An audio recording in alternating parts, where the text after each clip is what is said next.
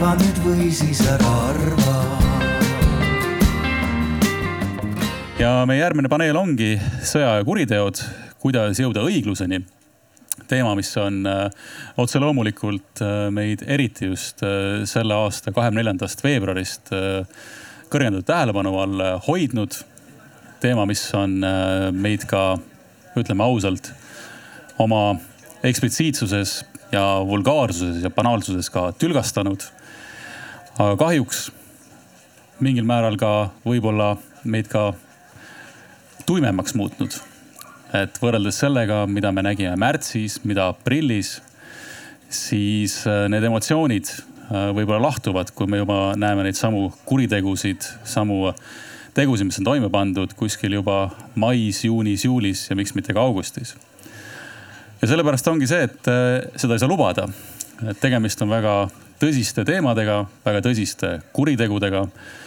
ja selleks, et üldsegi arutada ja mõista, et millest me täna räägime siis olengi palunud, et äh, meil on äh, kolm äh, väga head eksperti täna kohal siin. esiteks Rene Värk Tartu Ülikoolist, Taavi Pern prokuratuurist ja Liina Lumiste, kes on samaaegselt Tartu Ülikooli doktorant ja ka saadetud Haagi eksperdina töötama. ja me täna võtame läbi sellised teemad esialgu, et millest me üldse räägime et äh, me peame korraks ka oma mõiste ja sellise kontseptsiooniruumi äh, selgeks saama, et mis on üldsegi sõjakuriteod, kus nad kirjas on, äh, millistel puhkudel neid siis täide viiakse, kuidas tagatakse ka seda, et relvajõud neid täide ei vii sest ma väidan ka seda, et mida me oleme näinud Ukrainas just Vene Föderatsiooni vägede poolt täide viiduna, et see ei ole normaalsus. et tavapäraselt ikkagi erinevate riikide relvajõud äh, töötavad väga selgelt selle nimel, et just mitte sõjakuritegusid läbi viia. Ja ma esmalt äh, annaksingi sõna äh, Renele. Reneel on väga hea taust rääkida nii teooriast kui ka praktikast, sest ta on sellises ideaalses kohas, et kus ta Tartu Ülikoolist teab ka seda asja, õpetab sedasama valdkonda, aga on ka kaitseväes ja kaitseväe akadeemias Äh, nii-öelda kaasa löönud, olnud Malis ka kaasas sõjalisel operatsioonil. Äh, käinud Ukrainas äh, ka ukrainlasi koolitamas. ja ma Renelt alustuseks küsiksingi, et äkki teed meile kiire sissejuhatuse, et mis asi üldsegi on see humanitaarõigus, sõjaõigus, millised on need kuriteod, millest me täna ka räägime.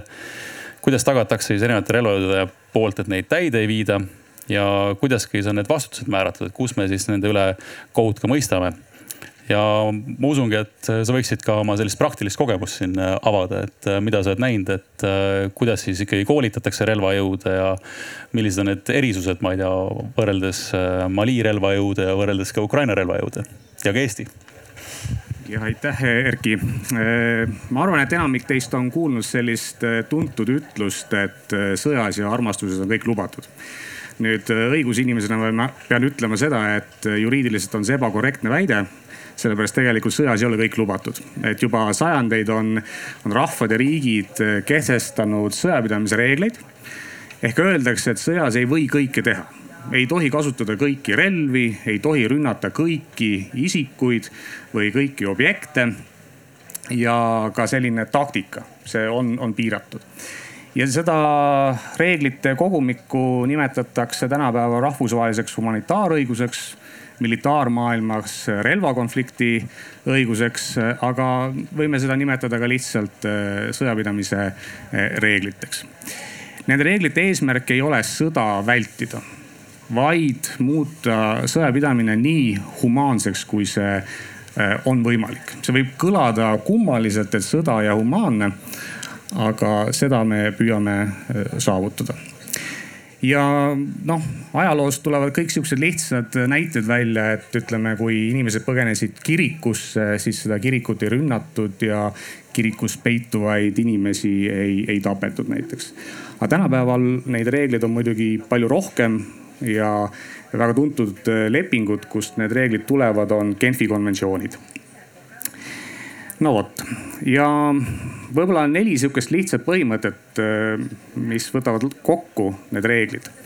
esiteks on sõjaline vajadus ehk et me tõdeme seda, et teatud tingimustes on vaja kasutada relvajõudusid, on vaja kasutada sõjalist jõudu selleks, et lüüa vastase sõjalist võimekust. ehk et kui Eesti kaitsevägi kasutab jõudu vastase relvajõudude vastu, siis see on okei okay.. teine põhimõte on humaansus.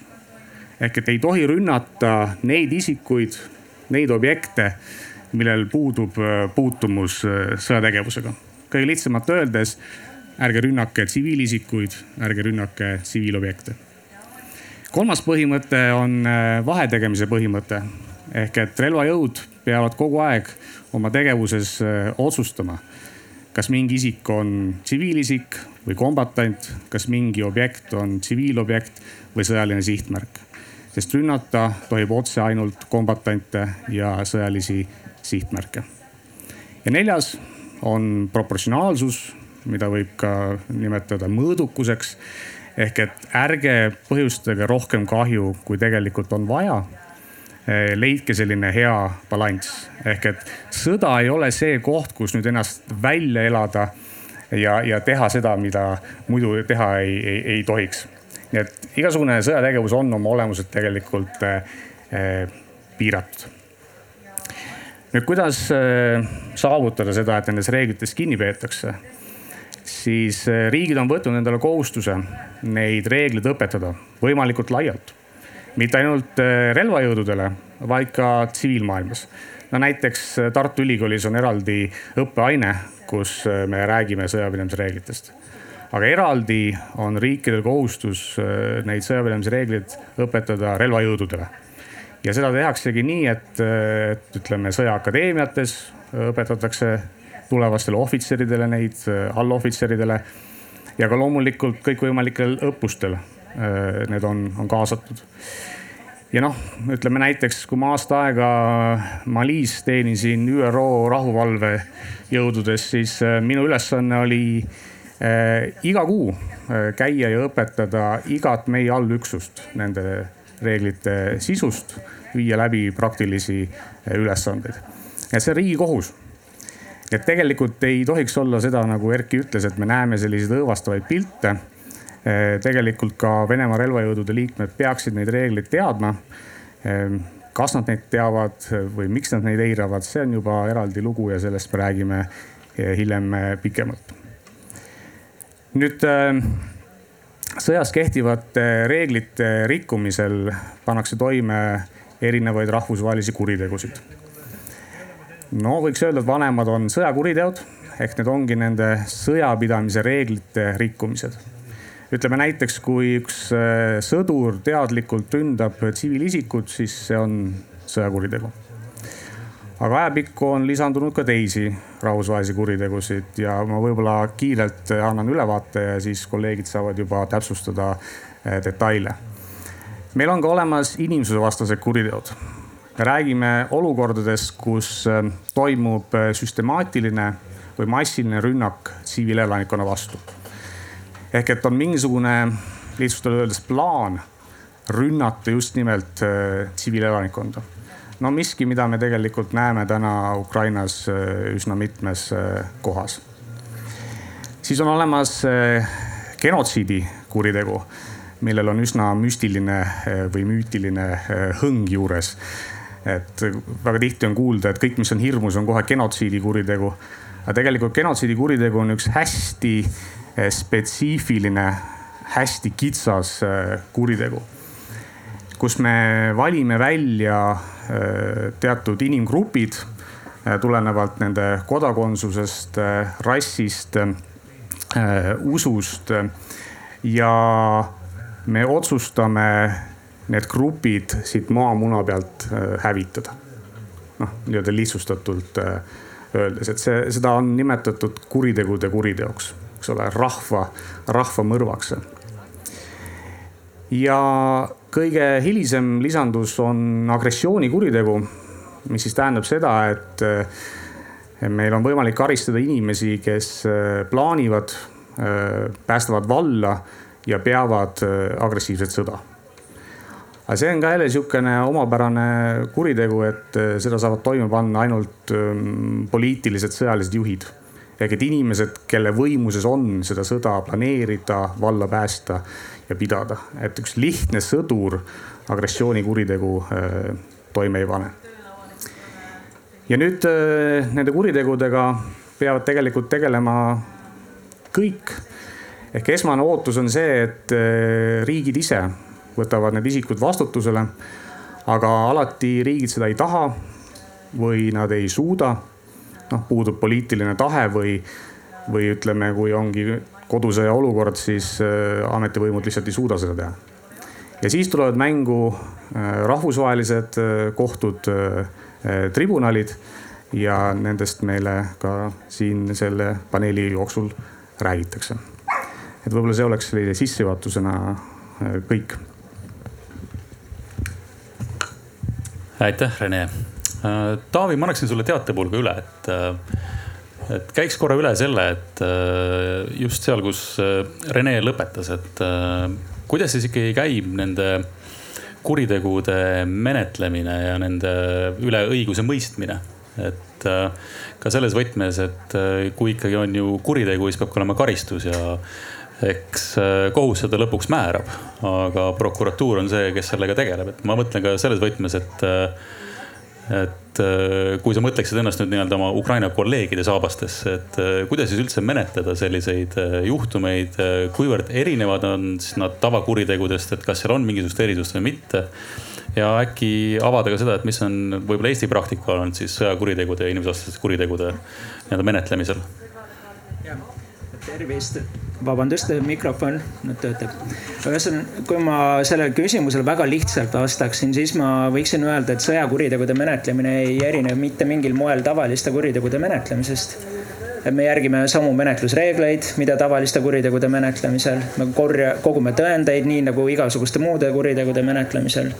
ja esitame süüdistuse nagu muude kuritegude puhul ja saadame kriminaalasjad kohtusse aga kui me nüüd räägime tegelikust olukorrast, siis selline sõjakuritegude menetlemine, nagu ka praegu Ukraina näitel on näha, on väga keerukas.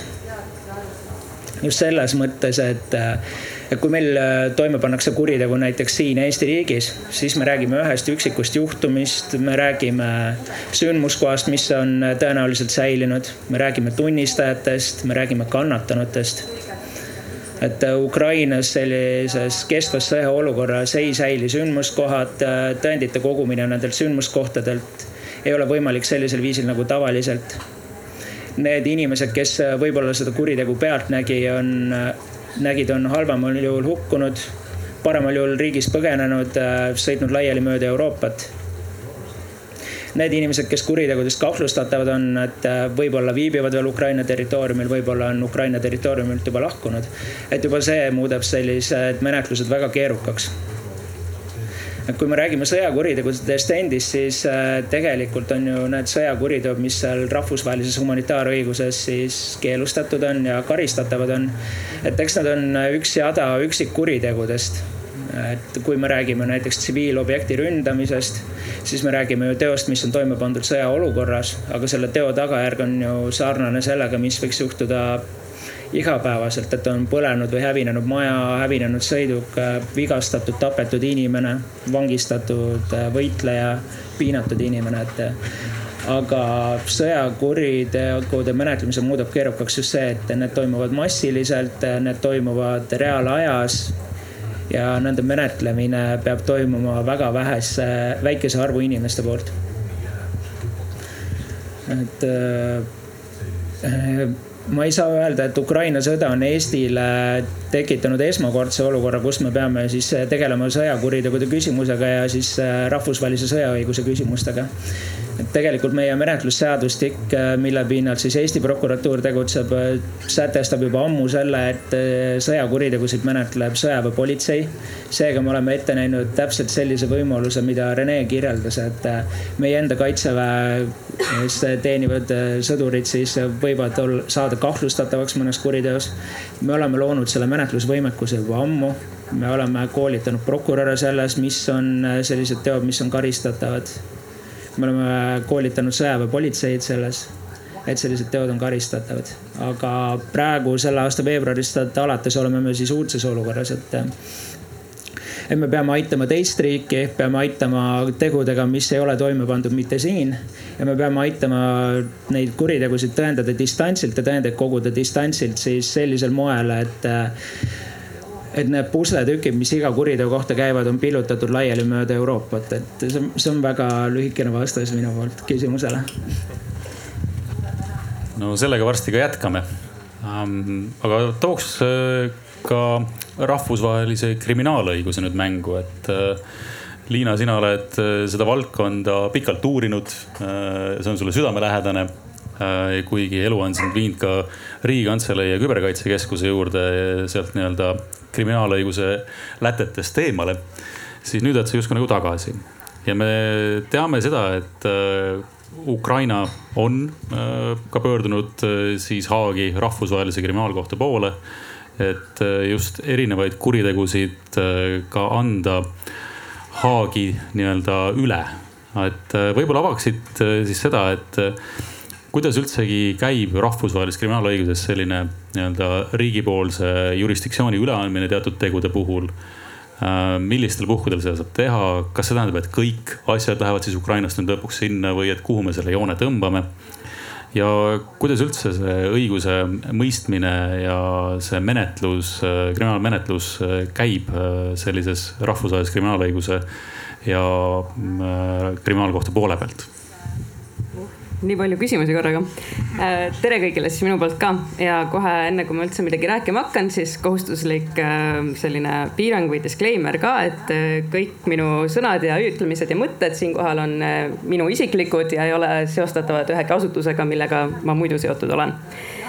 Ja ei vastagi siis küsimustele, mis puudutavad rahvusvahelises kriminaalkohtus käimasolevaid uurimisi aga nüüd ma alustan natukene kaugemalt, et siis ongi, mis asi see rahvusvaheline kriminaalõigus kui selline üldse võrreldes äh, selle siseriikliku kriminaalõigusega on. viitan lihtsalt tagasi sellele, millest Rene rääkis, et need ongi need kuriteod, mis on nii-öelda puudutavad siis kogu selle rahvusvahelise kogukonna julgeolekut ja rahu ehk siis äh, need kuriteod, millest Rene rääkis, ehk siis inimsusevastased kuriteod, sõjakuriteod, äh, genotsiid, agressioon. Iseenesest seal all käsitletakse mõningaid kuritegusid või on ajalooliselt käsitletud veel uh,. mingi kaja tuli vahepeal ähm, aga praegusel hetkel, kui me räägime siis äh, nendest tribunalidest, mis toimetavad, siis nende fookuses on just need neli, on ju ähm, nüüd nendest rahvusvahelistest tribunalidest jah, põhiline, millele ma ka hiljem nagu keskendun rohkem, ongi siis see rahvusvaheline kriminaalkohus, aga lihtsalt tausta mõttes on ju. Kust see valdkond üldse alguse sai ja mida kõik tegelikult enam-vähem teavad, Nürnberg. Suures osas tegelikult rahvusvaheline kriminaalõigus on hakanud äh, Nürnbergi tribunalist alates arenema, sealt see sellise õige alguse sai ja sealt väga paljud põhimõtted ka nii-öelda välja kasvama hakkasid. Nürnbergi tribunalil, tribunali kohta muidugi on omajagu kriitikat on ju ajalooliselt, kui vaadata, et ähm, noh seda tihtipeale nimetatakse nii-öelda võitjate õiguseks, sest et see pandi mingite riikide poolt kokku äh, ühe teatud grupi üle kohtumõistmiseks, on ju. eks selle mandaadi üle nagu tagantjärgi on sihuke õigusajaloolased omajagu arutanud, on ju. ja noh, rääkimata ka sellest, et õigusliku poole pealt, et, et selle statuut ei olnud just ideaalne, seal oli omajagu lünkasid, on ju, eks seda nüüd on selle aastakümnete jooksul üritatud eh, nii-öelda ületada. ja, ja mida me oleme näinud tegelikult viimase, ütleme sihukese kolmekümne aasta jooksul Äh, enne kui me jõudsime siis selle rahvusvahelise kriminaalkohtuni, mis on siis selline permanentne, alaline, ähm, on tegelikult rahvusvaheline kogukond näinud ka omajagu selliseid eritribunale, mis ongi mingi konkreetse sündmuse jaoks ja siis natukene sellise erineva nii-öelda asutamispõhimõtetega, et noh, paljud on kuulnud siin Jugoslaavia tribunalist kindlasti ja, ja samamoodi Rwanda äh, tribunalist, mis oligi noh, konkreetselt nendes piirkondades Äh, siis aset leidnud sellist ähm, noh, ühel juhul genotsiidi, teisel puhul äh, laiemalt siis sellise laiaulatusega süütegude puhul on ju. äh, mis asutati ÜRO otsusega, on ju, julgeolekunõukogu otsusega, et see on üks variant, kuidas on neid tribunale nagu algatatud. samas on, toimetavad tegelikult ka, ka sellised hübriidtribunalid, on ju, mis on näiteks kohaliku riigi ja ÜRO koostöös on ju, kui on, on näiteks siis Kambodža erikohus siis põhimõtteliselt või sellised eri, erikambrid kohtu juures on ju, kes tegelevad siis tegelikult päris mitukümmend aastat vanade süütegudega on ju, mis põhimõtteliselt leidsid aset siin seitsmekümnendatel on ju on samamoodi praegu tegelikult üsnagi uus asi, on Kosovo eritribunal, mis äh, samuti, mis on siis selline koostöövariant Euroopa Liidu Kosovo vahel on ju, et mis ei ole see, et, et kuskilt keegi paneb lihtsalt püsti ja ütleb, et me tuleme nüüd mõistame teie üle kohut. vaid on tegelikult siis mingi riigiga omas koostöös äh, nii-öelda algatatud, on ju et eks sealt seda rahvusvahelist kriminaalõigust kui sellist nagu edasi järjest arendatakse. Aga siis selline suur samm tegelikult selles arengus edasi oligi siis rahvusvaheline kriminaalkohus, milleni jõuti nii-öelda Rooma statuut on selle siis alusleping, mis võeti vastu üheksakümne kaheksandal aastal. mille alusel siis äh, rahvusvaheline kriminaalkohus tegutseb, tegutsema hakkas ta kahe tuhande teisest aastast. okei okay., väike ajalootund on ju ja, ja, ja menetlebki siis kõiki süütegusid, mis pärast seda on alles nagu toime pannud. nüüd, kui minna nüüd äh, siis spetsiifilisemalt selle rahvusvahelise kriminaalkohtu üle ah,, liikmesriike on sada kakskümmend kolm. et kui mainisin, et see on lepingupõhine, siis näiteks miks ta erinebki ka sellest äh, ütleme Jugoslaavia või Randa tribunalist on see, et ei ole see, et, et äh, ÜRO Julgeolekunõukogu lihtsalt asutas selle, vaid tegemist on lepingupõhise organisatsiooniga. sinna mingid liikme, mingid riigid on otsustanud, et jah, vot sellele lepingu Äh, me kirjutame alla, selle statuudi me äh, ratifitseerime ja oleme nõus sellega, et äh, meie üle selle kohtu jurisdiktsioon ja meie kodanike üle siis tegelikult kehtib, on ju. et selle koha pealt ta nagu natukene teistest on erinev. see on noh, kui meil hiljem arutelus see võib osutuda ka oluliseks, on ju ja, ja kelle üle siis jurisdiktsioon kehtib, nagu ütlesin, on, on süüteod, mis on toime pandud nende liikmesriikide territooriumil või siis liikmesriikide kodanike poolt, on ju. mis tähendabki, et ilmtingimata iga riigini äh, see jurisdiktsioon ei ulatu ja ilmtingimata iga riigi ka kodanikule see jurisdiktsioon ei ulatu. sest et noh, siin tuleb ka meeles pidada nagu seda, et, et äh, rahvusvaheline kriminaalkohus, ma kasutan lühendatult siis ICC, see inglisekeelset terminit natukene võib-olla ma niikuinii ajan ühel hetkel sassi, nii et ma ütlen lihtsalt ICC, see on kõigile selge. et äh, tuleb nagu meeles pidada seda, et tegemist on noh, ta on rahvusvaheline organisatsioon, millel on küll oma nii-öelda see siis on, on kohus ja on, on see prokuratuur ja ametkond kes tegeleb siis nende süütegude uurimisega, aga samas noh, sellel ei ole oma sellist politseijõudu või ta ei, ta ei toimeta selles mõttes päris samamoodi, nagu on meil siseriiklikus õiguskorras nagu prokuratuur, et me, rahvusvaheline kriminaalkohus ei saa selles mõttes ka sisse minna lihtsalt ühte riiki. et vot nüüd me hakkame kõike uurima, lööme jalaga ukse lahti ja, ja kogume kõik tõendid, mida me tahame, on ju, et tegelikult seal toimub, ongi üsna suur piirang või, või selline oluline erinevus ongi see, et väga oluline on see koostöö, mida noh, tegelikult Taavi ka on ju natuke mainis Eh, siis nii selle äh, kohtu kui selle, ütleme siis asukohariigi, kui siis ka tegelikult teiste riikidega. kõikidel liikmesriikidel, kes on tegelikult selle statuudiga liitunud, on siis koostöökohustus ehk siis tegelikult aidata kaasa äh, nendele uurimistele mm,. teatud tingimustega on ju um,. kui nüüd nendest uh, kuritegudest rääkida, võib-olla ühe asja, mis ma siis nagu välja toon, on ju, et täiendavalt, et ongi nagu konkreetselt neli kuritegu. genotsiidi puhul äh, ongi see eriline tahtlus, mis on seal oluline et selle, see spetsiifiline asi, et üks asi on, on see, et see peab olema jah, suureulatuslik, aga see tahtlus on, on see, mille pärast tihtipeale noh, võib öelda, et tegelikult avalikus diskursuses kasutatakse seda terminit noh, meelevaldselt just sellepärast. kaotatakse ära see mõiste seal, et, et seal peab olema see tahtlus konkreetselt see mingi teatud inimgrupp maa pealt noh, kas osaliselt või täielikult ära hävitada, onju.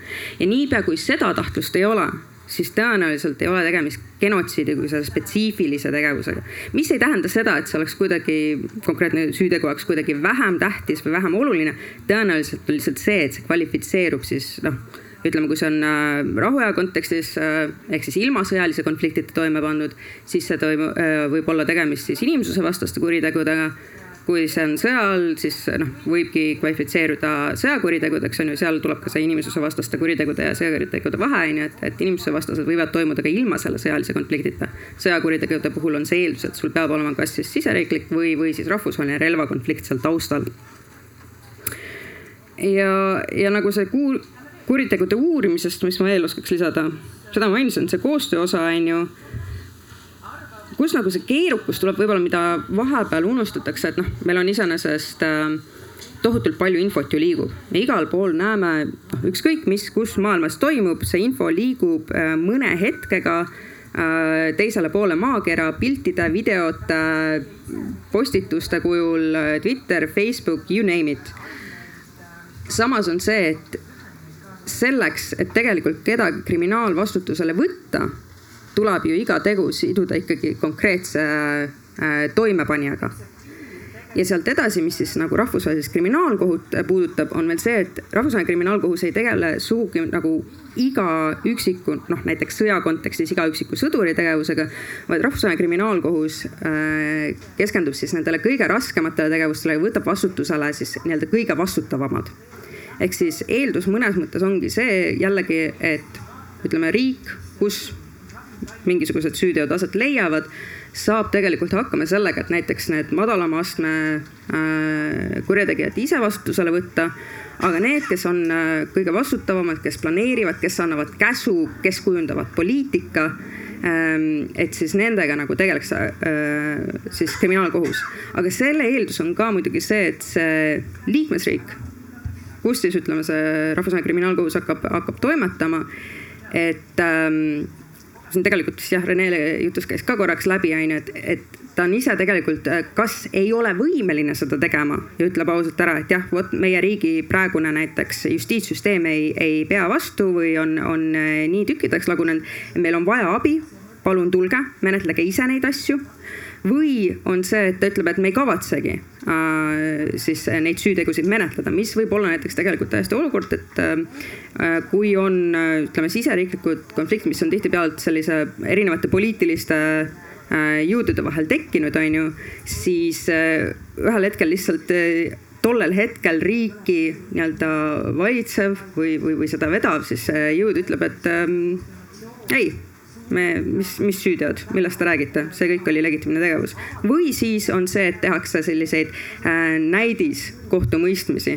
ehk siis justkui peame kohut, sest kriminaalõigus põhimõtteliselt kehtib siis põhimõte, et, et ähm, sama üle, sama süüteo üle mitu korda kohut ei mõisteta ähm,. ja sama asi on siis ka rahvusvahelise kriminaalkohtu üle, et juhul kui selle süüteo üle juba on tegelikult kohut mõistetud, siis nagu justkui ei tohiks seda enam äh, uuesti kohtu alla võtta aga see võib tekitada olukorra, kus siis justkui tehakse mingisugune kohtupidamine, aga tegelikult see ei ole sisuline, see ei ole siis selline äh, tõsimeelne kohtupidamine, ehk siis karistus on kas noh, olematu või marginaalne, onju. mis on nagu selline viis mingeid, ütleme, mingite liikumiste juhte näiteks nii-öelda kaitstagi siis selle rahvusvahelise menetluse eest, onju. et see eeldab ka siis seda, et, et riik on äh, noh, siis kas öeldud, et me ei, me ei ole võimelised või me ei kavatsegi seda on ju teha. et see on see hetk ja selle on siis eesti keeles on ta vist täiendavuse põhimõte jah, complementarity inglise keeles on ju, et täiendavuse põhimõte, et, et ICC astub mängu alles mingil teatud astmel on ju. Ehm, jah, ma arvan, et praegu sissejuhatus aitab küll. aitäh. ega me siin praegu tegelemegi justkui siukse väga äh, tihke ja keerulise sibula koorimisega, et äh, mille keskmes on lõpuks ikkagi see ohver ja iga selle kihiga, mida me nüüd siin nagu rohkem üritame mõista, aga olgem ausad, et äh, noh, me tegeleme inimlikult väga keeruliste ja raskete küsimustega, et noh, seda inimlikku dimensiooni ei tasu kunagi ära unustada. ja ma teeks võib-olla mõned äh, raamistavad küsimused veel ja siis juba annaks nii-öelda põrandale ja nii-öelda päikesepaistes piinlevale publikule sõna, et äh, mida nemad äh, tahaksid küsida, aga Rene, ma küsiks sinult sellest, äh, nii võib-olla selles võtmes, et millest me ju räägime, on ikkagi karistamatuse vastu võitlemine, eks ole. et kui on kuritegu, peab olema karistus. ma arvan, see, mida me näeme ole, ja oleme juba näinud, äh, on paljude inimeste õigus ja õiglustunnet väga sügavalt riivanud. Äh, väga sellisel äh, noh, tõesti hingesopi tasemel. aga tavaliselt ju ikkagi niimoodi ei juhtu tavaliselt see, kuidas relvajõud ennast ette valmistavad konfliktideks, on ikkagi selline, et me räägime ennetusest ja vastutusest et et äkki avaksid nüüd natuke sügavamalt seda, et kuidas sa näed, et Eesti kaitsevägi, kuidas sa näed, et seal Malis kohalikud relvajõud ja oled ka Ukrainas koolitamas käinud ja mujal, et kuidas see protsess käib just selle ennetuse, teavituse ja teadlikkuse tõstmisega ja siis ka lõppkokkuvõttes vastutusega, et kui midagi tehakse no alustuseks võib-olla olgu öeldud, et ei ole ühtegi sõda, kus ei oleks äh, sõjapidamise reegleid äh, rikutud. et äh, põhjused on erinevad, alati on inimesi, kes ise lähevad hulluks. aga on ka relvajõudusid, kes suhtuvad oma liikmete väljaõppesse noh tagasihoidlikult. nii et selles mõttes sõjakuritegusid pannakse toime alati lihtsalt küsimus on pigem äh, selles hulgas äh, ja selles äh, süsteemsuses. nagu ma ütlesin, kõik riigid on võtnud endale kohustuse vastastikku oma relvajõudusid alati õpetada nendest reeglitest. ja kui nüüd Eestit vaadata, siis asi on selles mõttes lihtne, et Eestis on olemas Kaitseväe Akadeemia ja kõik ähm, ohvitserideks õppivad äh, noored äh, saavad äh, seal eraldi ka relvakonflikti õiguse kursuse.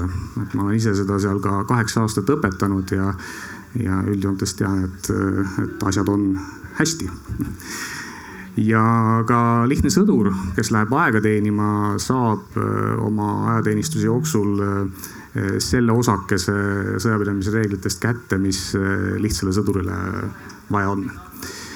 ja eraldi, kui Eesti üksused lähevad eh, välismissioonidele, siis ka seal nad saavad spetsiifilise väljaõppe, mis on enamasti konkreetse missiooni põhine ja kuna ma olen ise ka seda aastaid teinud, siis tean, et ka sellega on asjad hästi nüüd ähm, jah, äh, ütleme nii, et oma kogemusest võin ka seda öelda, et ähm, see arusaamine või, või see ootus, mis on Eesti kaitseväes ja mis on äh, ütleme läänemaailma relvajõududes, ei olegi tingimata see, mis on mujal maailmas, et ikkagi äh, Malis teenides, nähes väga erinevate riikide relvajõudusid väga erinevatest piirkondadest maailmas, sa saad aru, et mõnel juhul ikkagi teadmised nendest sõjapidamisreeglitest on, on minimaalsed. ja seetõttu ka neid rikkumisi äh, kahjuks tuleb. no esimene asi on loomulikult see, et äh, on olemas selline asi nagu ülema vastutus ehk et sõjaväeline organisatsioon on üles ehitatud hierarhiliselt, alati on alluvad ja on ülem. Ja ülema üks ülesanne, kohustus on järgida, et tema alluvad äh, täidaksid äh, reegleid, olgu nad siis sõjapidamise reeglid või, või muud reeglid. ja kui ülem näeb, et reegleid rikutakse, on ülemal kohustus reageerida. noh, ajalugu on näidanud, et kõik ülemad ei reageeri. Äh, mõni on lihtsalt passiivne, mõni vaatab hoopiski, et väga äge, et Äh, tapate vastase tsiviilisikuid või, või vägistate vastase naisi. et, et ongi üks õige asi, et vastasele tuleb kohta ette näidata. ja sellepärast äh, äh, ütleme teise maailmasõja järel hakkas välja kujunema idee ülema vastutusest. ja mõte nüüd selles, et kui ülem ei täida oma rolli selle korra hoidmisel, siis me võtame vastutusele ka selle passiivse ülema ja alluva rikkumised kanduvad üle sellele ülemale. et kui ma tõin selle näite, et ülem vaatab passiivselt pealt, kuidas tema alluvad äh, tapavad tsiviilisikuid, vägistavad naisi, siis me esitame ka sellele ülemale äh, tegelikult lihtsustatult öeldes äh, karistuse tsiviilisikute tapmise eest või siis näiteks naiste vägistamise eest. ehk et me paneme seda survet peale et tuleb jälgida, et äh, süsteemis reegleid austatakse. ja loomulikult sealt edasi pöördutakse juba õiguskaitseorganite poole ja tuleb mängu prokuratuur, kohus ja, ja kõik muud tegelased. Ma lähekski sellest kohe siis Taavi juurde, et sa natuke mainisid seda rahvusvahelist koostööd, mida on praegu tulnud äh, kindlasti rohkem kui tava, tavaliselt, et äh, aga äkki avad, et äh, kuidas see siis käib, kuivõrd on see formaalne, informaalne, et kuidas käib siis kahe erineva riigi õiguskaitse nii-öelda organite vaheline koostöö, et mida te seal teete ja noh, nii palju, kui saad rääkida ma saan rääkida seda alustuseks, et Euroopa Liidu liikmesriikide vahel on rahvusvaheline koostöö väga tõhus kriminaalmenetlustes. kas või mikrofon töötab, ma ei saa aru natuke suul lähemal. et äh, meil on olemas keskne justiitsasutus Eurojust, mis koondab kõikide riik, Euroopa Liidu liikmesriikide prokuratuuride esindajaid. selle keskse asutuse kaudu igasugune infovahetus on väga tõhus, väga kiire me saame tõendeid kuritegudele viitavat infot vahetada, kui mitte minutitega, siis tundidega, kui see vajalik on. Eesti prokuratuur on ka Rahvusvahelise Prokuröride Assotsiatsiooni liige. see tähendab seda, et me oleme osaks siis erinevatest koostöövõrgustikest, sealhulgas siis ka sõjakuritegudega seotud koostöövõrgustikud, genotsiidi koostöövõrgustikud, et vähemalt sellised lähted on meil rahvusvaheliseks koostööks väga head mis puudutab rahvusvahelist koostööd ennast, siis jah, koostöö on allutatud teatud reeglitele. Need on, need reeglid tulenevad siis erinevatest rahvusvahelistest kokkulepetest, sellistest konventsioonidest või rahvusvahelistest lepingutest, mida Eesti on ratifitseerinud. selline reeglistik on olemas meie kriminaalmenetlusseadustikus ja need reeglid võimaldavad siis meil tõendeid, infot, äh, mis iganes kriminaalmenetlustega seotud on, vahetada siis kas äh, formaalselt või siis veel parem äh, mitteformaalselt, et et ma saan kinnitada seda, et näiteks praegu ajal, kui me menetleme siis koostöös teiste riikidega Ukraina sõjakuritegusid, oleme me selleks loonud teiste riikidega siis ühisuurimisrühma. sellega praegu on minu teada liitunud kuus riiki ja selle ühise uurimisrühma liikmetena saame me vahetada infot siis uurimisrühma liikmete vahel väga operatiivselt, et online sõnumitena e, e-kirjadena me oleme loomas sellist andmebaasi, kuhu siis kaardistatakse kõikvõimalikud erinevad kuriteoepisoodid, millega me tegeleme. et ma näen seda, et äh, praktikas on rahvusvaheline koostöö võimalik läbi viia väga tõhusalt ja väga kiirelt, et aga kindlasti on olemas ka vastupidiseid näiteid, et nagu Rene rääkis ja Liina rääkis, siis, siis väga palju sõltub rahvusvahelises koostöös ju sellest, kui koostöövalmid on teised riigid, kellega me seda koostööd tegema peame et äh, kindlasti ei saa ju välistada seda, et kui meil on vaja abi mõnest riigist, kes äh, on valmis koostööks väga formaalsetel alustel, siis see koostöö ei toimi sugugi nii hästi nagu siis äh, Euroopa Liidu liikmesriikide vahel. ma selle küsimuse koostöö altisusest või koostöövalmidusest jätangi pigem publikule, et küllap see küsimus tuleb nagunii aga Liinat, ma küsiks sul viimase küsimuse, enne kui me äh, avame selle arutelu äh, laiemalt siin, et äh, eks nüüd see ootus on olemas, et kriminaalkohtule on Ukraina ka sellise pöördumise teinud, teatavate tegude üle on jurisdiktsioon olemas.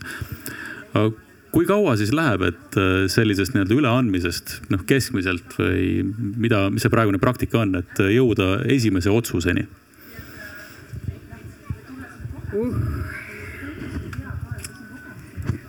Ütleme niimoodi, et ähm, kui vaadata nüüd äh, menetlusi, mis on jõudnud lõpuni ja kohtuotsuseni, siis äh, ütleme nii, et üldine määratlus oleks, et see ikkagi võtab aastaid pigem. Äh, või mitte pigem, vaid võtabki onju, et, et kui vaadata, kus, kui kaugele on jõudnud nagu menetlused, mille osas on mingisugune otsus olemas siis need menetlused ikkagi algatatud mitu aastat tagasi, enne kui on jõutud üldse siis eh, kasvõi esimese astme otsuseni, on ju. ehk siis eh, see perspektiiv võib-olla on, noh, võibki tihtipeale tunduda, et oh, jube aeglane. aga siin ongi kõik need tegelikult asjaolud, mis siit on läbi käinud, on ju. et eks need mõjutavad seda, kaua see kõik aega võtab. et noh, raske öelda muidugi seda, et eks see sõltub natukene rahvusvahelise kriminaalkohtu puhul tuleb nagu silmas ilmselt pidada ka seda, on ju, et, et äh, ta sõltub oma liikmesriikidest, tema peremehed selles mõttes on, on liikmesriigid mis tähendab, et tema ressursid sõltuvad sellest, kui palju liikmesriigid äh, sellesse asutusse ka investeerivad ja, ja, ja panustavad, on ju. et eks sellest sõltub ka see, kui võimekas see asutus tegelikult oma tegevuses on. ma ühe kiire remargi nagu ütleks veel korra, mis ma mõtlesin. et äh, kui Rene rääkis siin sellest, on ju, et, et noh, igas, igal pool neid Äh, humanitaarõiguse reeglid ilmtingimata alati ei, ei mõisteta täpselt samamoodi, onju.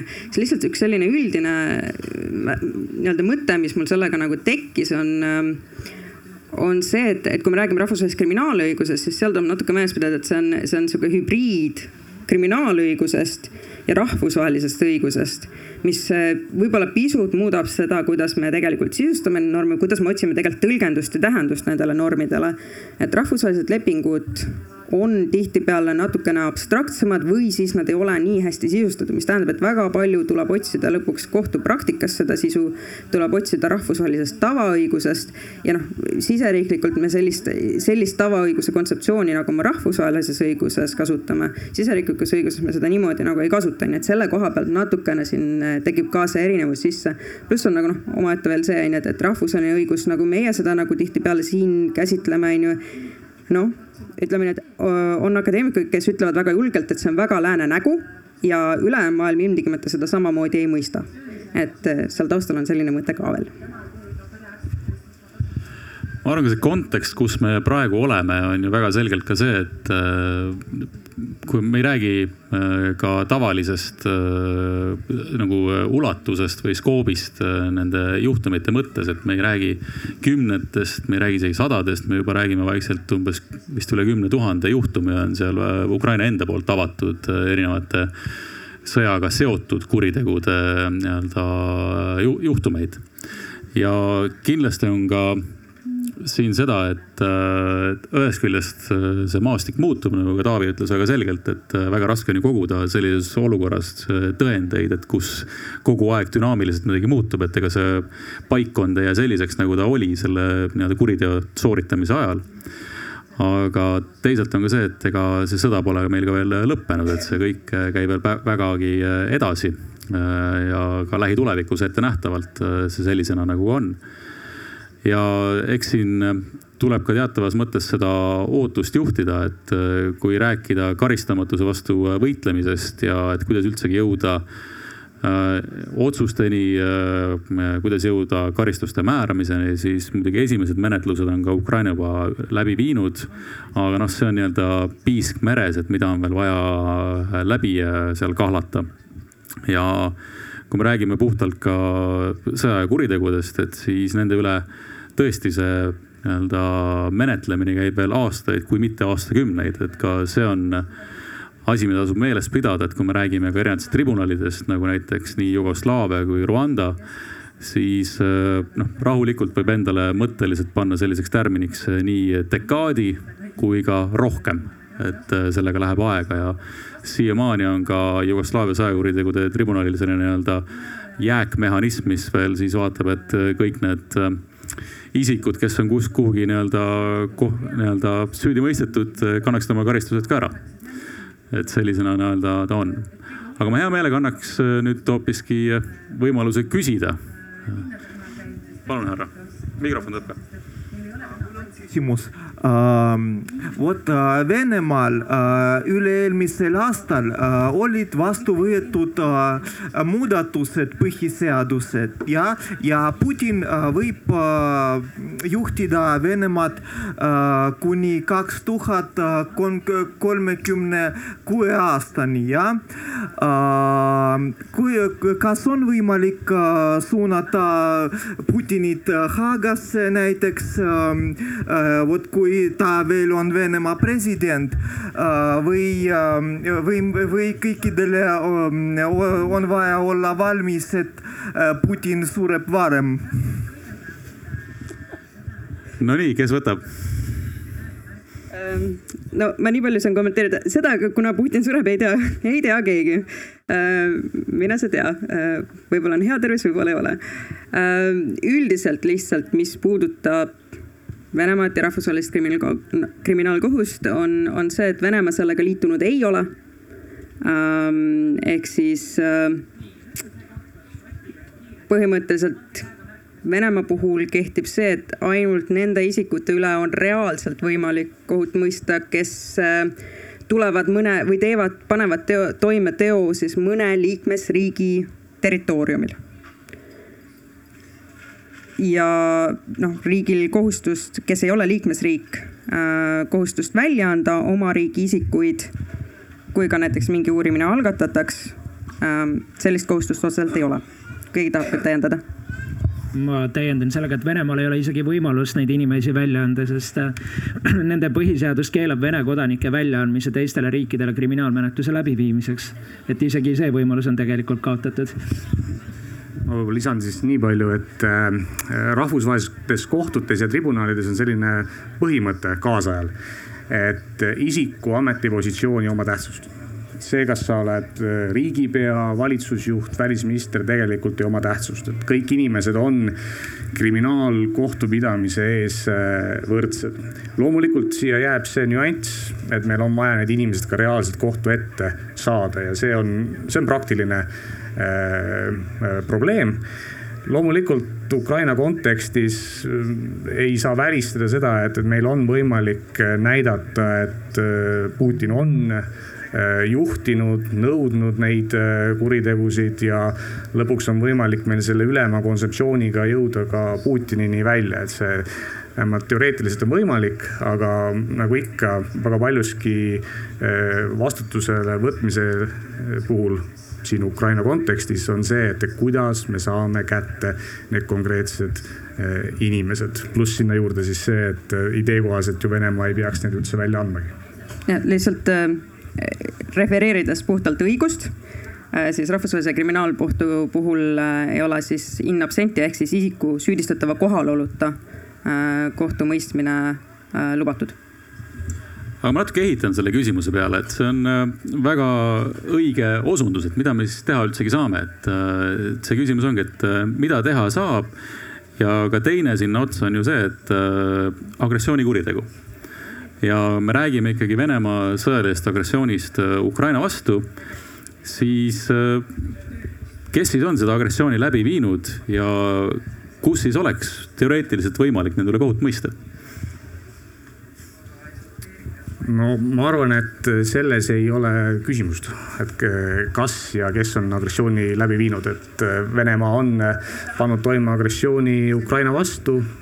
ja selleks ei ole vaja just mingeid imetavapäraseid tõendeid otsida aga nii nagu ikka, selle agressioonikuriteoga on omad raskused, nagu ma ütlesin, agressioonikuritegu on kõige värskem ja eh, ta on täiendus Rooma statuudile aga selle on heaks kiitnud väga vähe äh, riike, kolmkümmend pluss riiki. Ja, ja selle agressioonikuriteo puhul on veel eraldi öeldud, et seda ei saa kasutada nende riikide vastu, kes seda ise heaks ei ole kiitnud. Ja ka nende kodanike vastu. nii et me oleme ikkagi suure, suure lõhkise küna ees tegelikult noh, äh, ideena on ju välja pakutud see, et võiks moodustada eraldi tribunali just nimelt selle agressioonikuriteoga tegelemiseks. Idee kohaselt ju üks võimalus. aga probleem jääb selles, et kes selle tribunali loob mis on selle tribunali legitiimsus. et kui selle loovad, ütleme Euroopa riigid, siis mõnes mõttes võib eh, siin tulla sama asi eh, esile, mille, millele Liina juhtis tähelepanu, et et öeldakse, et näe võitjate või, või mingisuguse grupi kättemaksutribunal ja, ja jälle ajaloost pärast mõtleme, et oli seda siis äh, äh vaja ja noh, ÜRO muidugi sellist tribunali ei loo sarnaselt endise Jugoslaavia Rwanda tribunalile. sest et äh, Venemaa paneb seal julgeolekunõukogus veto ja, ja sinna see asi jääbki, nii et, et äh, taustal ju protsessid käivad. kõike kommenteerida ei saa aga ütleme nii, et raske saab see lugu olema jah, mida on nagu arutatud igasuguste tribunalide puhul, eritribunalide puhul ongi just see, et, et see peaks olema selles mõttes võimalikult nii-öelda laiapindne ähm,. ja, ja ikkagi mingi mandaadiga just täpselt sellel samal põhjusel, millele Rene viitas. ja, ja tasub nagu mõelda ka täpselt sellele, et kas see tegelikult muudaks midagi selle suhtes, ähm, et kas sellel hüpoteetilisel tribunalil oleks kuidagi parem ulatus või kas oleks reaalselt ütleme siis riik, mille üle selline tribunal või selle riigi kodanikud, mille üle see tribunal siis kohut mõistaks.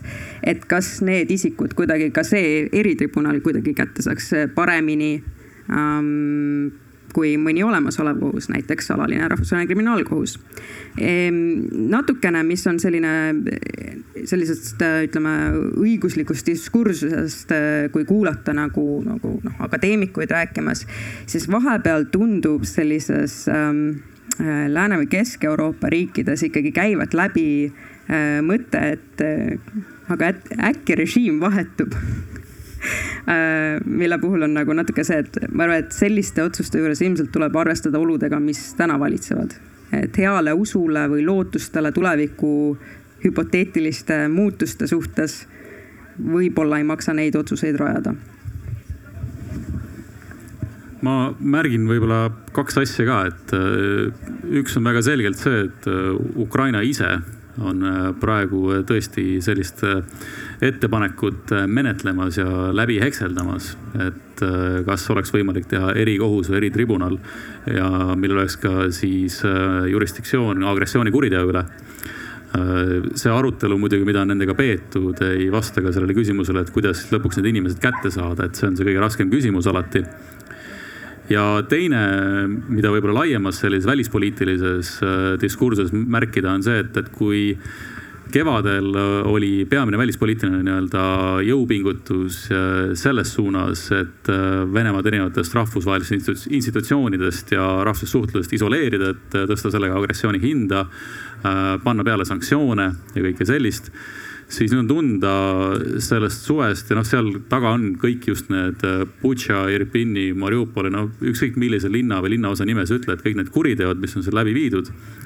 Et äh, need ei saa jääda vastuseta äh,. küsimus on see, et kuhu see kõik tüürib, et äh, sellele veel väga selget visiooni või välja pakutud lahendust ei ole. Küll aga on selge see, et see saab olema järgneva välispoliitilise hooaja üks põhiküsimusi Ukraina konflikti osas ja Venemaa suunalise poliitika osas. seda nii Euroopa Liidus kui ka nii-öelda väiksemates sellistes nii-öelda liitlaskonfiguratsioonides. Et eks siin võib ka sügis tuua uudiseid, et mida võib-olla soovitakse selle karistamatuse teemaga üle võtta. Ja karistamatuse vastu võitlemisel, just äh, Venemaa vastu suunatud karistamatuse vastu võitlemisel saab see fookus olema ka see, et, äh, et juhul, kui millalgi see olukord normaliseerub, siis seal peab olema ka selline dünaamika, et äh, Venemaa peabki ise ka midagi vastu tegema ja neid isikuid süüdi mõistma või neid välja andma, et liikuda edasi ka teises valdkondades Äh, välispoliitikas ja rahvusvahelises suhtluses, et äh, see on see, kuhu, kuhu poole see kõik hakkab äh, tõenäoliselt nüüd sügishooajal tüürima. aga võtaks veel küsimusi, kellel on soovi? tervist, Kristjan.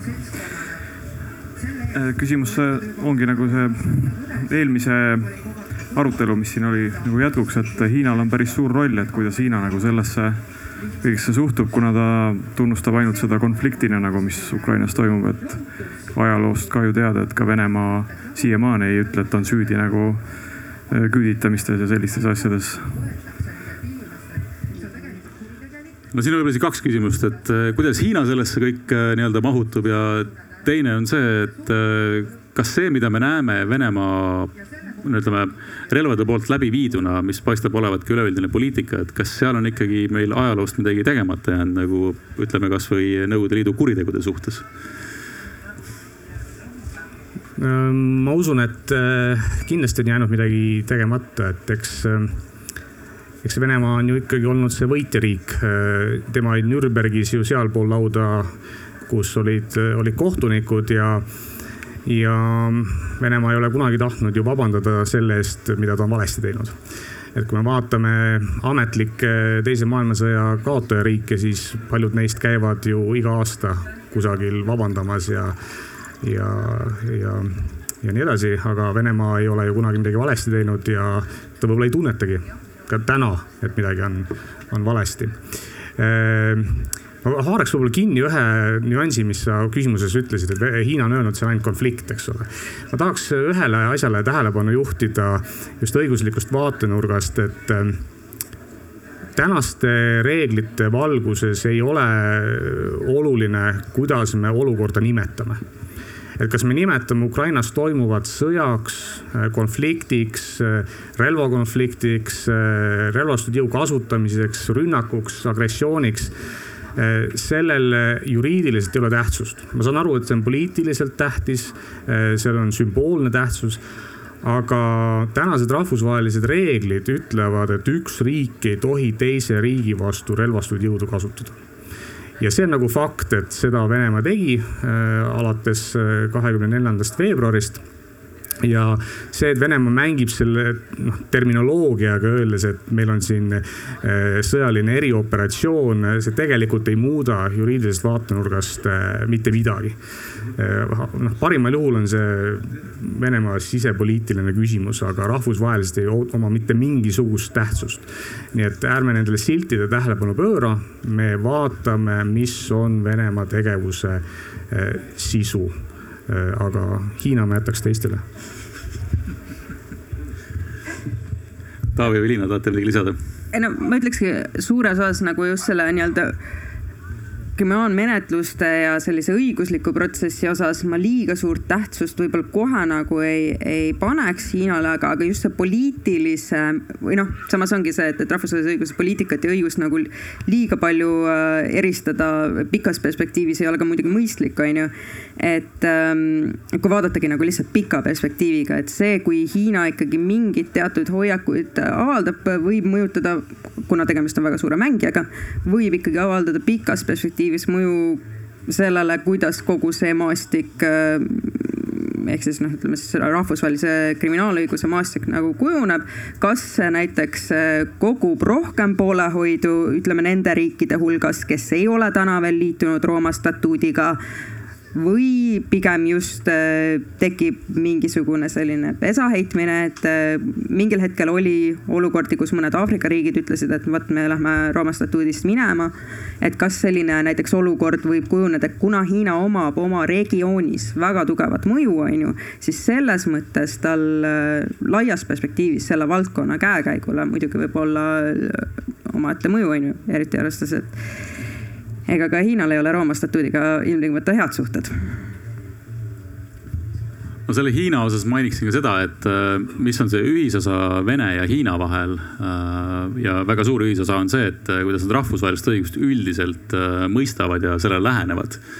kus nad mõlemad on võtnud sellise positsiooni, et see olemasolev rahvusvaheline õigus, mis meil on, ükskõik millises valdkonnas, et see on väga läänekeskne ehk siis äh, seal on see tõesti, et kus nad üritavad siis ka endale soodsaid või soodsamaid äh, norme välja kaubelda läbi äh, kas siis läbirääkimiste või ka praktika, mida nad siis soovivad läbi viia, et, et ega Hiina kindlasti vaatab huviga pealt, et mis siis ka Venemaa suhtes ette võetakse et äh, on näha, et äh, see mõtlemine neil on seal väga selgelt olemas, et äh, üritada mõista, et kuhu see kõik tüürib ja millised mõjud on siis ka, ka neile. ja noh, nii ongi. aga võtame veel küsimusi. sealt tagant ja siis võime kohe siit eest ka võtta jälle.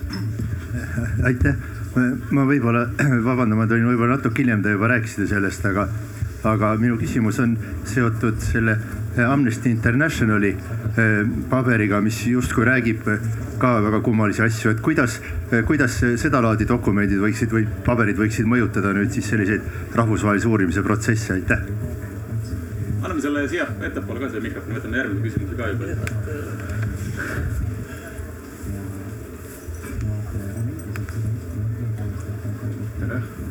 Üks, üks, üks. Äh, olen Priit. Äh, küsimus selline, et saan ma siis õigesti aru, et äh, see õiguse mõistmine või kohtumõistmine ei ulatu siis ütleme nende sõja kurjategijateni, ütleme, kes elavad kuskil sügaval Venemaal, on teada, et nad viisid täide sõjakuritegusi ja nüüd ütleme, teenivad raha selle oma tööga siis nii-öelda, eks ju. ja võivad vabalt tulla Euroopasse reisima ja, ja mitte midagi nagu teha ei saa nii selle, ma võtan tagantpoolt, onju, ma sellele kohe vastan, et üks asi on see, et ei saa öelda, et uurimine nendeni ei ulatu, on ju, et, et alustuseks uurimine käibki selle nimel, et teha kindlaks, kes need isikud tegelikult nende taga, nende tegude taga on, on ju, et mitte ainult siis see, millest ma siis kohe alguses rääkisin, mitte ainult see, kes nii-öelda selle vahetu teo toime paneb, vaid ka see, kes on siis selle planeerimise või poliitika või, või käsu taga, on ju. ja, ja noh, tegelikult kui uurimine jõuab selle järelduseni, et jah, vot see isik ütleme, isik X on tegelikult vastutav selle teo eest, on näiteks selle käsu andja, e, siis e, kohtul, Rahvusvahelisel Kriminaalkohtul on võimalik panna välja siis äh, arrest warrant. vahistamismäärus. vahistamismäärus kaks kuud välismaal ja juba ei oska. vahistamismäärus, mis tähendab tegelikult seda, et ikkagi kui see isik jõuab riiki, kes teeb kohtuga koostööd, siis see vahistamismäärus on võimalik ellu viia ma vastan ka sellele küsimusele siis prokuratuuri vaatenurgast, et, et kui tegemist on nende kuritegudega, mida saab menetleda Eesti prokuratuur või siis nende riikide prokuratuurid, kes on näiteks selle ühise uurimisrühmaga liitunud, siis tegelikkuses on vähemalt meie õiguse järgi võimalik ka tagaseljamenetlus nende inimeste suhtes meil on lisaks sellele vahistamismääruse taotlemisele võimalik läbi viia siis tagaselja kohtumenetlus, saavutada süüdimõistev kohtuotsus ja selle kohtuotsuse täitmiseks kuulutada need inimesed terves Euroopa Liidus tagaotsitavaks, nii et neil tegelikult Euroopa Liitu asja ei ole ja nii kui nad Euroopa Liidu liikmesriikidesse saabuvad, nad vahistatakse. ehk siis mõnes mõttes liikmesriikide äh, see kohtumenetlus on nagu äh, kaugemale ulatuv või, või selline paindlikum selle koha pealt minule jääb vist siis see ebameeldiv küsimus Amnesty Internationalist. Äh, ähm, no kindlasti tuleb aru saada, mis on Amnesty Internationali roll. Nemad ise kirjutasid äh, ka ühe väikse vabanduse sellele raportile juurde, kus nad ütlesid, et nende roll on ainult äh, tunda muret tsiviilelanikkonna turvalisuse pärast ja, ja nemad nagu väga palju muudele asjadele, kaasa arvatud relvajõudude juhendamisele tähelepanu ei pööra. nii et nad on selles mõttes, äh, kuidas nüüd öelda, humanistid. Äh, aga äh, relvakonfliktis me peame leid-, otsima tasakaalu. me otsime tasakaalu, nagu ma ütlesin, selle sõjalise vajaduse ja humaansuse vahel. ehk et ühelt poolt on meil vaja sõda võita aga teiselt poolt me ei tohiks teha rohkemat kahju, kui selleks on, on vaja. nüüd, kui vaadata seda raportit või selle, selle tegelikult sellist eeluudist pigem siis mulle tundub, et seal on ära toodud palju fakte, kui need on faktid. aga neid fakte ei ole pandud konteksti ja neile ei ole antud võib-olla asjakohast õiguslikku hinnangut. et see fakt ise eh, noh, eraldi võetuna võib luua väga vale eh, pildi ja sellepärast on see ebaõnnestunud näide no, ma seletan võib-olla ühe näitega siis sealt. seal on öeldud seda, et, et Ukraina relvajõud on kasutanud eh, koolimaju oma paiknemiskohtadena no juriidiliselt hakata hindama, siis võib öelda seda, et äh, mitte miski ei keela relvajõududel võtta kasutusele tsiviilobjekte, kui see on vajalik äh, riigi kaitseks, eks ole. see on tegelikult õigus olemas ja kui midagi muud üle ei jää. nüüd võiks ju nagu mõelda praeguse olukorra peale. Äh, suvine aeg, koolid on kinni, koolides lapsi ei ole tegelikult sõjast alates koolid on üleüldse kinni olnud ja, ja koolid on, on tühjal ja nüüd on see, et, et kusagil peab nagu paiknema mingisugusel hetkel. ja ka, sa ei lähe paiknema samal ajal kellegi elumajja, sa ei lähe paiknema eh, poodi, sa ei lähe paiknema kohalikku omavalitsusse, aga sa näed, et need koolimajad on tühjad ja, ja sul ei jää muud üle, ma pean kuskil olema. et see võib olla see kontekst näiteks ja kui me selle konteksti paneme, siis äh, see koolimajas paiknemine võib olla ainuke võimalus äh, relvajõududel oma tegevust koordineerida, kuskil oma juhtimispunkti üleval pidada, eks ole. see on praegu mul lihtsalt spekulatsioon, aga noh, ma püüan anda nendele faktidele mingisugust tähendust. nii et ei saa paisata lihtsalt eetrisse faktid ja öelda, et aga me nagu edasi ei, ei arutle selle üle, konteksti ei loo sellele. ja, ja see on, see on halb. Ja see ka muidugi, nagu on õigesti öeldud, on äh, propaganda mõttes Venemaale soodne, äh, soodne asi, nii et sihuke ebaõnnestunud asi sellises vormis ja kuna te küsisite, kuidas õiguslikult sellisesse dokumenti suhtuda, siis, siis äh, minu kui prokuröri vaates on äh, minu töö osaks ikkagi leida tõendeid, mis oleks võimalikult vahetud, kirjeldaksid seda konteksti võimalikult vahetult ja, ja kui mina prokurörina peaksin enda menetlusliku otsuse tegema siis äh, mingisuguse kaudse dokumendi pinnalt, nagu näiteks see raport, millest, mille kohta te küsisite siis, siis sada kümme protsenti ma eelistan vahetuid tõendeid ja ja püüan teha kõik võimalikku selleks, et koguda ikkagi algset infot, kuulata üle need inimesed, kes vahetult on seda sündmustikku näinud, kuulata üle need sõdurid, kes on näiteks selles koolimajas olnud.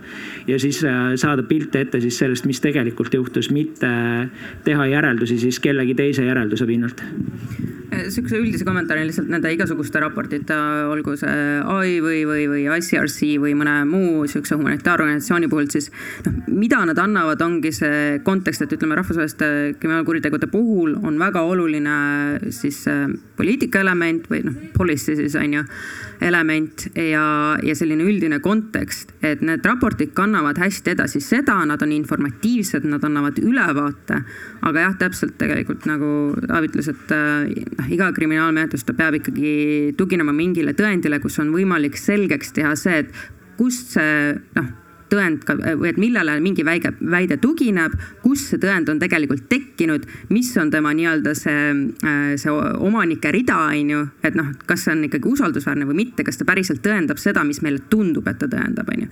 et eks see on nagu selline universaalne kriminaal, kriminaalmenetluse juures ikkagi, et need raportid on, on kasulikud, eriti algusfaasides just selle konteksti siis selle poliitika kujundamise mõistes, et näha nagu, mis see muster on.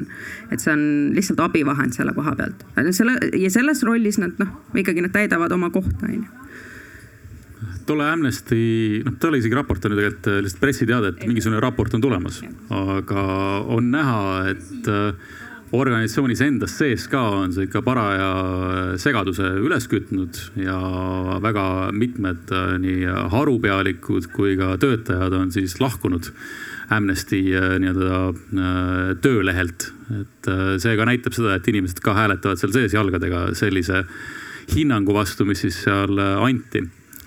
ja mis puudutab siis seda küsimust, et noh, mis siis üldsegi saab, et kas Venemaast saab üks suur vangla selles mõttes, et sa ei saa sealt välja reisida. eks kindlasti see saab olema üks äh, strateegiline eesmärk, et äh, nii palju kui võimalik, et äh, kehtiks siis need nii-öelda väljaandmis- ja vahistamismäärused üle ilma, et äh, kui keegi sealt Venemaalt endale jala välja paneb ja siis ta kohe ka leiab Rootsi kardinad äh,. nii-öelda lühidalt öeldes. ja teisalt loob see strateegilise küsimuse ka Venemaale endale et äh, kas see on see tulevik nagu, kuhu me nagu tahame minna, et kas see on see tulevik, et kus me suudame ennast hoida, aga noh, nagu üks küsija juba ütles, et noh, Putin kaks tuhat kolmkümmend pluss, eks ole. et võib-olla on see selline maailm, aga meie asi on siis tegutseda selle nimel, et keegi sealt välja enda jala pistab, et siis ta ka kuskil ikkagi maandub äh, kohtu ees. ja minu teada on ka näiteid see, kus Ukraina enda eriteenistused näiteks okupeeritud aladelt äh, ikkagi äh, selliseid isikuid, keda nad süüdistada tahavad, siis erinevate erioperatsioonidega ära toonud, nii et eks äh, Adolf Eichmanni püüdmise katsed on tänapäeval ka veel au sees, mulle tundub. aga veel küsimusi?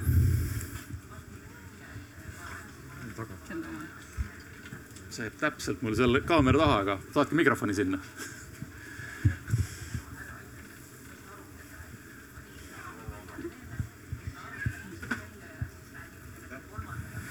räägitakse ju nendest äh, sõjakuritegudest, kui pommitatakse tsiviilelanikkonda, elamurajoone, haiglaid, koole, lasteaedu.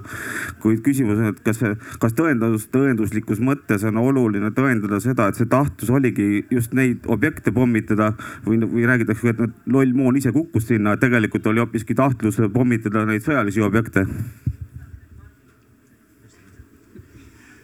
tegelikult see on mõlemat pidi.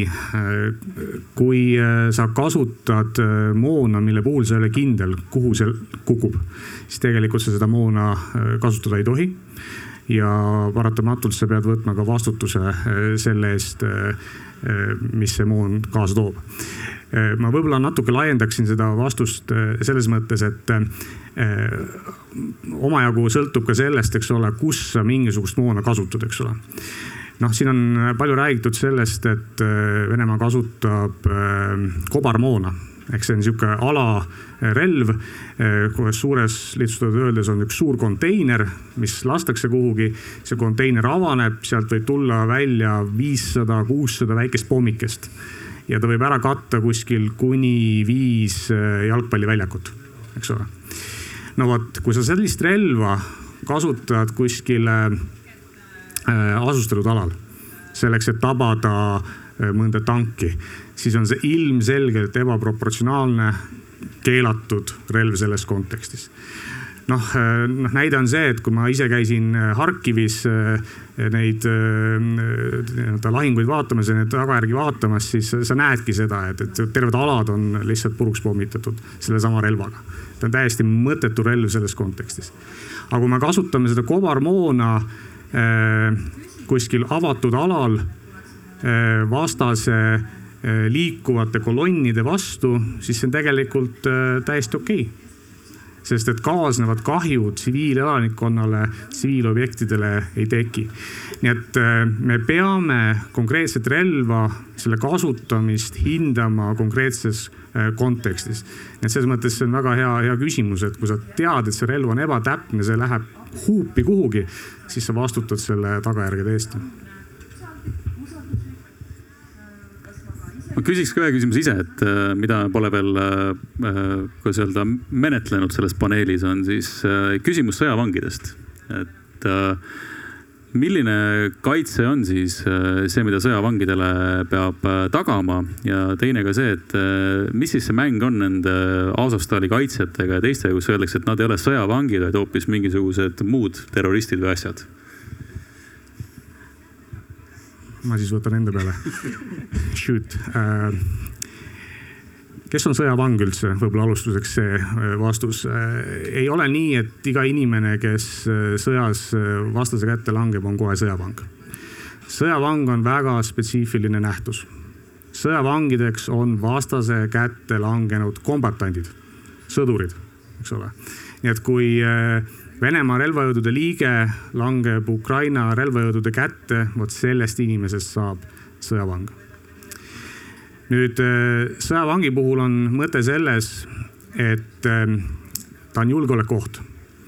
ja me peame sõjavangi kinni selleks, et üks inimene vähem meie vastu sõdimas lahinguväljal äh, sõjavangi staatus ei ole nii-öelda kriminaalne staatus, eks ole, et ta, ta, sõdur on teinud oma tööd tema on sõdinud, see on tema töö, eks ole. aga me võtame ta nüüd sealt lahinguväljalt ära, et ta ei saaks rohkem meie vastu äh, sõdida. Ja me hoiame teda kinni kuni sõja äh, lõpuni. Ja jah, sõjavangidele on täiesti sihuke eraldi regulatsioon olemas, kuulus kolmas Genfi konventsioon, kes, mis täpselt siis paneb paika, kuidas sõjavange tuleb majutada, mis teenused tuleb neile pakkuda ja, ja nii edasi ja nii edasi. see on üsna, üsna pikk ja detailne lugu ja ma arvan, et siia meil ei olegi mõtet laskuda mis puudutab nüüd Azovstali kaitsjad, siis tegelikult Azovstali kaitsjad, see Azovi eh, pataljon on Ukraina eh, relvajõudude osa, mistõttu need Azovstali kaitsjad olid kombatandid.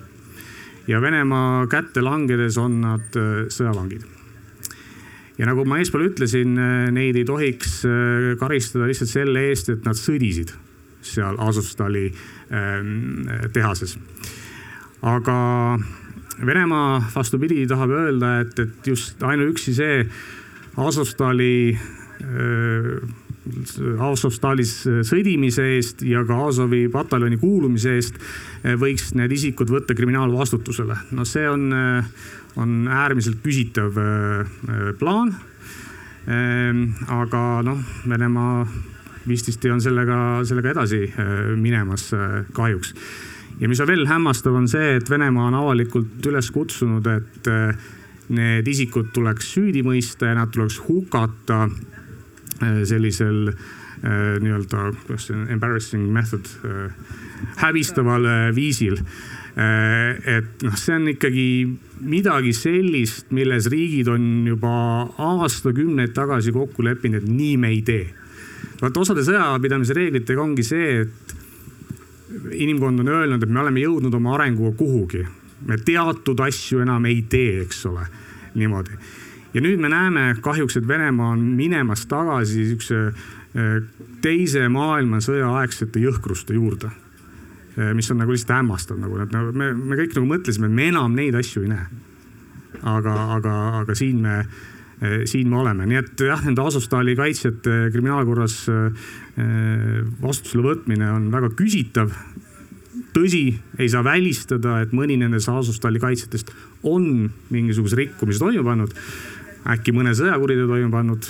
jah, sellisel juhul see menetlus on võimalik, aga mitte lihtsalt nii, et kuna sa olid Asustali kaitsja, siis võtame su vastutusele.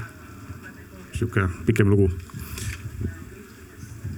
ma lihtsalt äh, Renele täienduseks tsiteerin meie enda karistusseadustikku, et äh, meie karistusseadustiku mõttes ei ole ju karistatav ainult sõjavangi ebaseaduslik kohtlemine, vaid on karistatav igasuguse vaenu poole kinni peetud isiku, sealhulgas sõjavangi ebaseaduslik kohtlemine, et see tema ohtu asetamine, tema abita jätmine, tema ähvardamine, tema ebainimlik kohtlemine ja nii edasi, et, et isegi see, kui kui me hüpoteetiliselt räägiksime sellest olukorrast, et need Azovstali võitlejad ei ole käsitletavad siis kombatantidena siis sõjaõiguse mõttes, siis ei välista, ei ole välistatud see, et Venemaad tuleks ikkagi vastutusele võtta mõne teise kuriteo eest. ja noh, siin on ka seda mängu, mida mõnikord äh, Venemaale meeldib ka mängida, on see, et äh, ajada meid justkui segadusse erinevate õiguslike kategooriate kokku miksimisega ja nende nii-öelda ühte potti panemisega, et äh, lootes, et siis ka meil mingisugune äh, rahvusvaheline ühtsus selles küsimuses hakkab, äh, ma ei tea, nihkuma või raugema. ja eks meie see põhiline väljakutse ongi siis sellistes tõesti mustvalgetes küsimustes olla ka mustvalgete selliste lahenduste poolt, et äh, õigus on väga selge nendes küsimustes lihtsalt siin üldiseks kommentaariks nagu, et kogu ütleme selle konflikti mõtestamisel, mis ma olen pannud tähele, lihtsalt ongi nii akadeemilistes ringkondades kui ka muidu siis ütleme niimoodi, et eh, nii Eesti kui ütleme üldse siis sellise Ida-Euroopa riikide tegelikult eh, kompetents, juristide, rahvusvahelise õiguse juristide kompetents siinkohal selleks, et, et ära tabada neid Venemaa teatud mustreid, argumentatsioonimustreid on, on väga väärtuslik, sest ütleme ausalt, et, et noh, ongi, kui, kui rääkida teiste piirkondadega, eks, eks iga piirkonna äh, spetsialistid keskenduvad ikkagi sellele, mis on nende jaoks eksistentsiaalne oht, mis on nende jaoks eksistentsiaalselt olulised teemad, on ju, samamoodi ka rahvusvahelises õiguses. et selle koha pealt äh, on, on ilmselgelt meie siis piirkonna äh, rahvusvahelise õiguse nagu kompetentsil äh, väga oluline koht täita. küsimusi veel?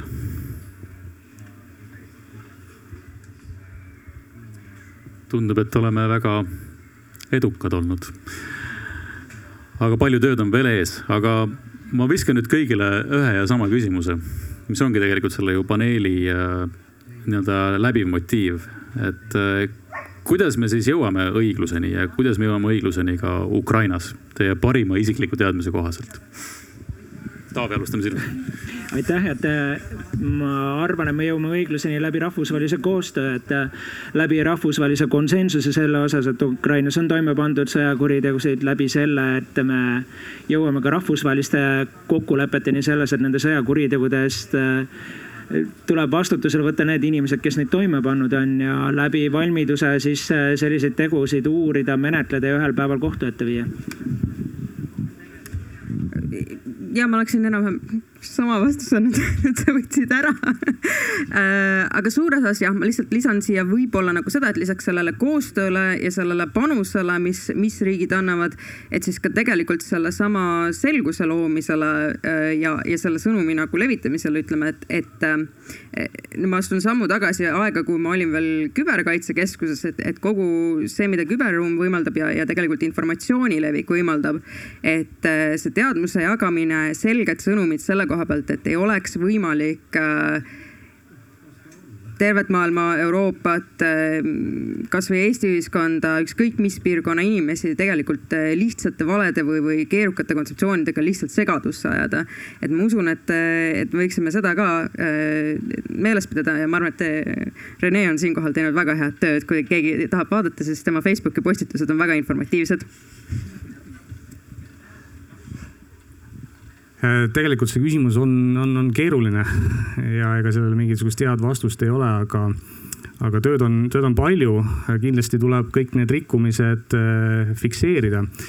Äh, keda huvitab, siis minge Ukraina prokuratuuri kodulehele, nad igapäevaselt avaldavad numbrid, kui palju juhtumeid nad on avastanud või kui palju menetlusi on algatatud ma nüüd ei ole nädal aega seda vaadanud, aga viimane kord oli kakskümmend viis tuhat sõjakuritegu või juhtumit on, on juba menetluses. Nendele muuseas lisanduvad kuskil vist üheksa tuhat juhtumit, kus kohas Ukraina omad inimesed on läinud koostööle Venemaa relvajõududega. ehk siis, et nii-öelda kuriteod riigi julgeoleku vastu ja mm, korra tagasi põrgatades siis Liinale, et äh, Venemaa on kaval, Venemaa on osav, Venemaa tunneb rahvusvahelist õigust. Ja ta püüab äh, ka rahvusvahelist õigust kasutada enda tegevuse õigustamiseks. ma olen ikka öelnud, et Venemaal on selline skisofreeniline suhe äh, rahvusvahelise õigusega, et ühelt poolt ta rikub rahvusvahelist õigust ja teiselt poolt ta kasutab seda enda, enda õigustamiseks ja needsamad sõnumid on tegelikult väga olulised, et me peame kogu maailmale ikkagi selgeks tegema, mis toimub. me ei tohi eh, kahjuks eeldada siin Eestis, et kõik saavad aru maailmas, mis toimub. et on väga palju riike, võib-olla isegi öelda regioone, kus kohas eh, Venemaa sõnumid on leidnud soodsat vastukaja ja ma olen ise ka erinevatel üritustel Eestis, välismaal kokku puutunud inimestega, kes ütlevad, et kõik need asjad, mida me siin ähm, meedias näeme Ukrainas, kõik see häving, see on, see on lavastus. Äh, ja vähemalt seni ma olen suutnud neid sellega nagu vaikima panna, ma olen öelnud, et ma olen ise ju käinud äh, Butšas, Irpinis, Harkivis, Tšernihivis äh, ja kõike seda hävingut oma silmaga näinud suht vahetult pärast seda, kui need alad Venemaa käest vabastati, et noh, see on tõsi. Aga on piisavalt palju inimesi, huvigruppe, isegi riike, kes kõike seda ei usu. nii et meil on ees praegu aktiivne roll ja meil on kindlasti ees aastate, mitte aastakümnete pikkune menetlemise äh, roll, sest et need kakskümmend viis tuhat pluss juhtumit, äh, siin on äh, mitmele põlvkonnale vist tööd. pluss rahvusvaheline kriminaalkohus lihtsalt lõppu veel ühe mõtte ütleks, et kui me alustasime sellest, et see on midagi, millest me iga päev kuuleme, pidevalt näeme ja vahepeal tundub, et see on juba lihtsalt sihuke hall argipäev taustal, siis tegelikult sellega seoses et kuidas me õigluseni jõuame, on ka see, et äh, me ei tohi ära väsida ei tohi riigid ära väsida, ei tohi me ise nagu ära väsida ja leppida sellega, et ah, kuskil taustal toimub. sest et noh, tegelikult see taustal ei ole eriti kaugel. see on üsna lähedal, et, äh, et me rahvusvahelise kogukonnana, siinse kogukonnana, me ei tohi sellest ära väsida. me peame rääkima sellest sellena, mis ta on ma arvan, et see äraväsimise motiiv on äh, õige osundus selles võtmes, et nii nagu me kõik olime noh, siinses kandis ja regioonis äh, kõrgendatud sellises pingeseisundis alates kahekümne neljandast veebruarist, kui mitte juba enne, siis on tunda, et äh, keeruline on ka rahvusvaheliselt ja miks mitte ka siin juba Euroopa regioonis hoida seda kõike üleval. et see ikkagi toimub, seda viiakse läbi ja see on oluline, me ei tohi ära väsida, et ja see ongi tõenäoliselt meie kõige suurem panus äh, Ukrainale, mida me saame anda, et äh, just nende teemasid üleval hoida ja lõppkokkuvõttes ka, et äh, kuidas üldse jõuda õigluseni, et see kriminaalõigus ja karistusõigus on vaid üks aspekt kõigest sellest. Ega laiemalt, kui vaadata ühiskondlikult, siis me räägime tõesti kuskil kahest-kolmest põlvkonnast, kes ka Ukrainas nüüd peavad noh, tõesti õppima elama sellega, mis on, mida nad on kogenud. Ja see ei saa olema lihtne. Meil endil on sama kogemus olnud äh, nii okupatsiooni ajast ja ka seal läbi viidud kuritegudest ja olgem ausad, ega siiamaani me ikkagi mingis, mingis võtmes nendega ju tegeleme, kasvõi isegi igapäevaselt, kui võib-olla mitte sellises intensiivsuses nagu kunagi. ma lõpetuseks ütlengi seda, et kogu see karistamatuse temaatika on fookuses ka välispoliitikas ja välisministeeriumis juba selle sõja algusest, aga on näha, et see saab olema meie põhiline jõupingutus ühiselt koos Ukraina ja teiste lähimate liitlastega. ja nagu öeldud, siis tööd siin jätkub, tööd jätkub meile kõigile siin paneelis Äh, aga ära me ei väsi, sest see on see vähim, mis me teha saame ja teha äh, üldsegi anname äh, selles nii-öelda ühises võitluses. nii et ma tänan teid kuulamast, kaasa mõtlemast, loodan, et teil on natuke ka parem taju, et mis on siis need sõjakuriteod ja kogu see temaatika ning loodetavasti päike hakkab varsti natukene vähem meid praadima, aitäh. selge see tee. time.